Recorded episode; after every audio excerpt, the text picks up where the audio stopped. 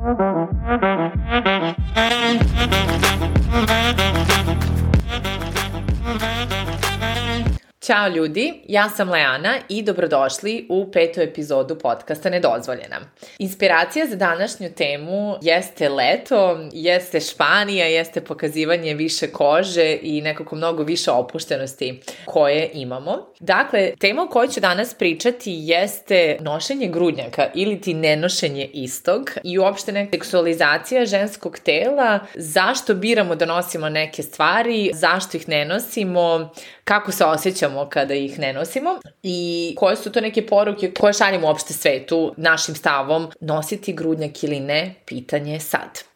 Ono što bih prvo u stvari žela nekako da započnem ovde je celo to nošenje grudnjaka, da li je on uvijek bio sastavni deo garderobe i zašto ga uopšte žene nose? Da li je tu sad stvar nekog moranja ili osjećaja da je on potreban, da nije prisno da idemo bez njega ili je stvar komfora? Ako mi pričamo zaista najiskrenije, najotvorenije, nošenje grudnjaka uopšte nije komforno i bode, peče, neprijatno je, znojimo se u njemu, pogotovo leti. I ja zaista nisam upoznala puno žena koje su rekle, jao, jedva čekam da se probudi budim ujutru i nosim jedan grudnjak, nego je prosto to jedna vrsta uh, društvene norme na koje smo mi navikle i mislim da smo ga zaista prihvatili kao deo naše garderobe do svakodnevne, pogotovo ovde na Balkanu.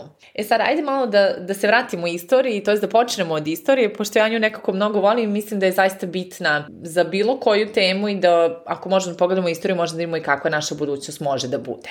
Dakle, što se tiče istorije, neki prvi grudnjaci koji su se pojavljivali, da kažemo, na slikama u Italiji su predstavljali žene koje prekrivaju grudi zato što su se bavili nekim sportom.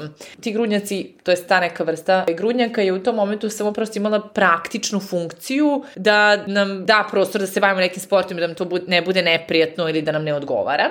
A mi posle kada pogledamo kroz istoriju i kroz neku mitologiju, ono grčke boginje nisu nosile grudnjake, mislim one su bile gole i bile su vrlo ponosne i nije postala seksualizacija ženskog ženskog tela kao takvog kada pogledamo kako se uopšte razvijala ta priča o grudnjaku, svi znamo da su se nosili korseti i da su oni negde u 18. i 19. veku počeli zaista da, da budu jako veliki deo mode, ali mislim da su postali mnogo više od same te mode. Prvo, korseti su pravljeni veoma nepraktičnih materijala i bili su bolni za žene i služili su za oblikovanje ženskog tela tako da izgleda dovoljno poželjno i da bude dovoljno privlačno. E, pritom m, nisu služile kao jedna praktična stvar, znači ženama grudi, kuk, suk i tako dalje su bili bukvalno vezani i nisu mogli da se pomeriju, niti je bilo praktično, niti je bilo zdravo, jer svi smo mi gledali one filme kada oni njima zatežu korsete, ona ne može da diši i hoće da se onesvesti.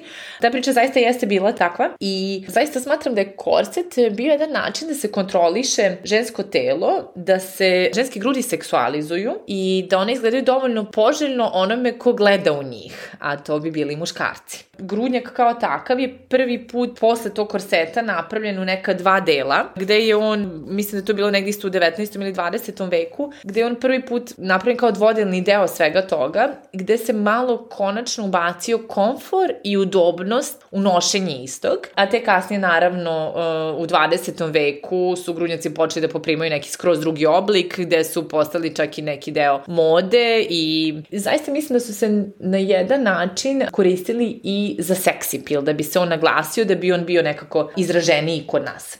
To je neka istorija koja je, da kažemo, malo dalja. E sad možemo setimo svi te hipijere kada žene nisu nosile grudnjake ispod majici i gde je postala ta neka apsolutno sloboda i čak i postoji uh, jedan protest koji se dešava u Americi 1970-ih koji se zvao Burning Bra gde su žene izašle na ulice da protestuju protiv svih stvari koje su se njima činile kao vrsta opresije prema ženama i kao nečega što ih je stezalo, neprijalo i gušilo i jedna od stvari koje su spaljivale jeste bio i grudnjak. Tako da mislim da i to nam daje neku perspektivu kako su žene posmatrale uopšte nošenje tako nečega. Onda nam se desio COVID, gde smo svi radili od kuće, gde smo svi nekako bili u udobnosti doma svoga i gde nama prosto je na prvom mestu bio komfor. I ono što je bilo interesantno da je jako puno žena u tom momentu nije nosilo grudnjake i samo smo želi da bude udobno, da nam bude fino, da nam bude mekano. I onda se nekako vraćamo na to pitanje da li, da li su žene nosile grudnjak zato što su morale je to neki deo društvene norme ili zato što im je prijelo, jer ako su žene prestale da ga nose za vreme COVID, očigledno nam to nije bilo baš toliko udobno i toliko komforno. I kad se ja setim nekih svojih iskustava, ja se setim da sam nosila prvi grunjak sa nekih 14-15 godina, sam molila mamu da mi ga kupi, to mi je nešto bilo jako bitno u tom momentu,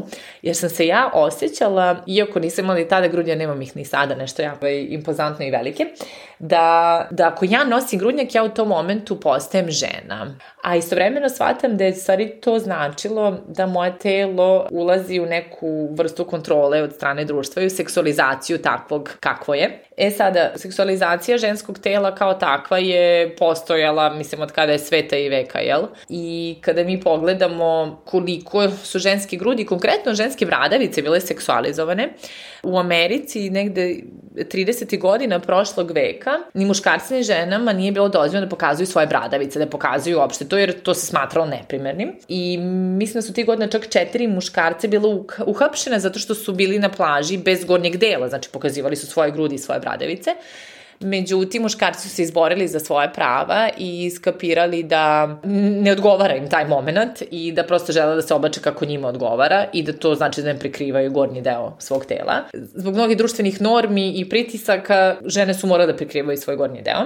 I čak je 2013. i 14. godine bio ceo pokret na internetu koji se zvao Free the Nipple, gde Facebook, Instagram su banovali i zabranili sve slike koje su pokazivale ženski grudi sa bradavicama, što nama, znači, samo pričao to neku seksualizaciji ženskog tela, jer i muškarci i žene imaju iste delove tela, samo što ženama oni nisu dovoljno dozvoljeni. Onda se neko vraćamo na tu priču koliko mi seksualizujemo ženske grudi, a one primarnu i osnovnu biološku funkciju imaju prehranu beba, mislim, nisu tu da zadovoljavaju bilo čije seksualne fantazije i potrebe. Čak su i društvene mreže i neke nove platforme nama pokazivale da ne možemo da, da se ponašamo kako hoćemo, da se oblačimo kako hoćemo, jer to prosto nije primereno.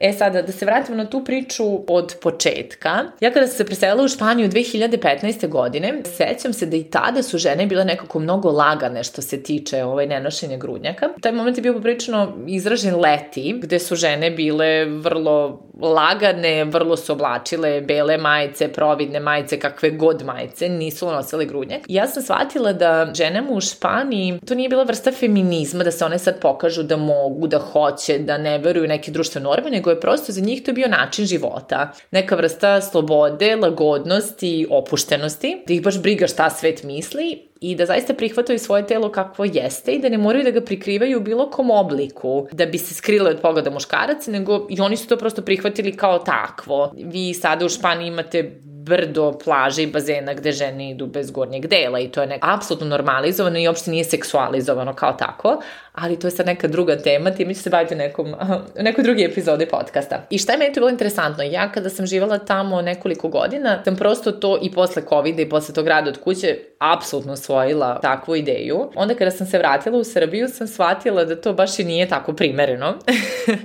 da na brdovitom Balkanu ne mogu, ne gleda se tako naklono tu neku vrstu slobode. I ja sam recimo konkretno leti vrlo ne nosim grudnjak kakve god majice nosila i kakve god haljinice nosila, providne, neprovidne. Meni nije neprijatno, ali sam shvatila da taj neki osjećaj neprijatnosti mnoge žene imaju i ne žele da ga imaju zato što su primetile da ih muškarci gledaju i gledaju na određen način koji kod nas ne izaziva lagodnost i opuštenost, nego čak naprotiv. Ja sam čak imala jednu situaciju, sećam se da bila zima, e, momak sa kojim sam se viđala u tom momentu je, krenuli smo u neki kafić, restoran, mislim, ja ne sećam, i ja sam samo obukla neku rolku koja je bila onako vrlo uska i vrlo, vrlo uz telo, bez grudnjaka naravno, gde on bio kao, hoćeš ti tako izaći iz kuće? I ja sam ga onako uču da pogledala i kao, naravno da ću da izađem tako iz kuće, to mi se podrazumeva i on kao, da, ali kao idemo u jedan restoran koji je porodični i sad svi ćete gledati. Ja sam bila u fazonu, pa dobro, pa šta? Mislim, kao, niko u tom restoranu nije video ženske grudi i bradavice ili šta mi ovde tačno radimo.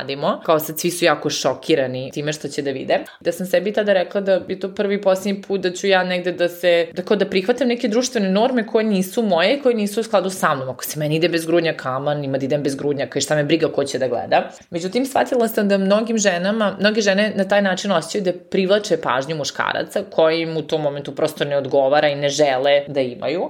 Žene ne žele da privlače takve poglede, a s druge strane, mnogim muškarcima koji su sa njima ti muškarci ne žele da te žene privlače poglede drugih muškaraca. Ne znam da li je to iz nesigurnosti ili iz uh, čega god, ali da jednoj i drugoj strani tu nije prijatno i da se ne osjećaju baš najsjajnije. Da postoji taj osjećaj sramote, jel, da li će me neko gledati, da li će nekom biti neprijatno, a mislim da se tu zaista svodi na neko prihvatanje ženskog tela takvo kako je, mislim sad to što moje grudi vire i što moje bradavice stoje tu, mislim stoje pa stoje toplo, hladno, šta da im radim, znači tu su pa tu, ako nekom bodu oči to stvarno nije moj jako veliki problem. I ja sam negde tu praksu Španije, prosto nenošenje grudnjaka kad mi se ne nosi, što je većinom vremena da budem iskrena, uvrstila i u neke poslovne situacije. Ja se mnogo često u kancelariji pojavim na nekim sastancima pojavim bez grudnjaka. Će reći da je to neprofesionalno, profesionalno, da to nije okej, okay, da kakvu ja poruku šaljem time, ja sam želim da me neko gleda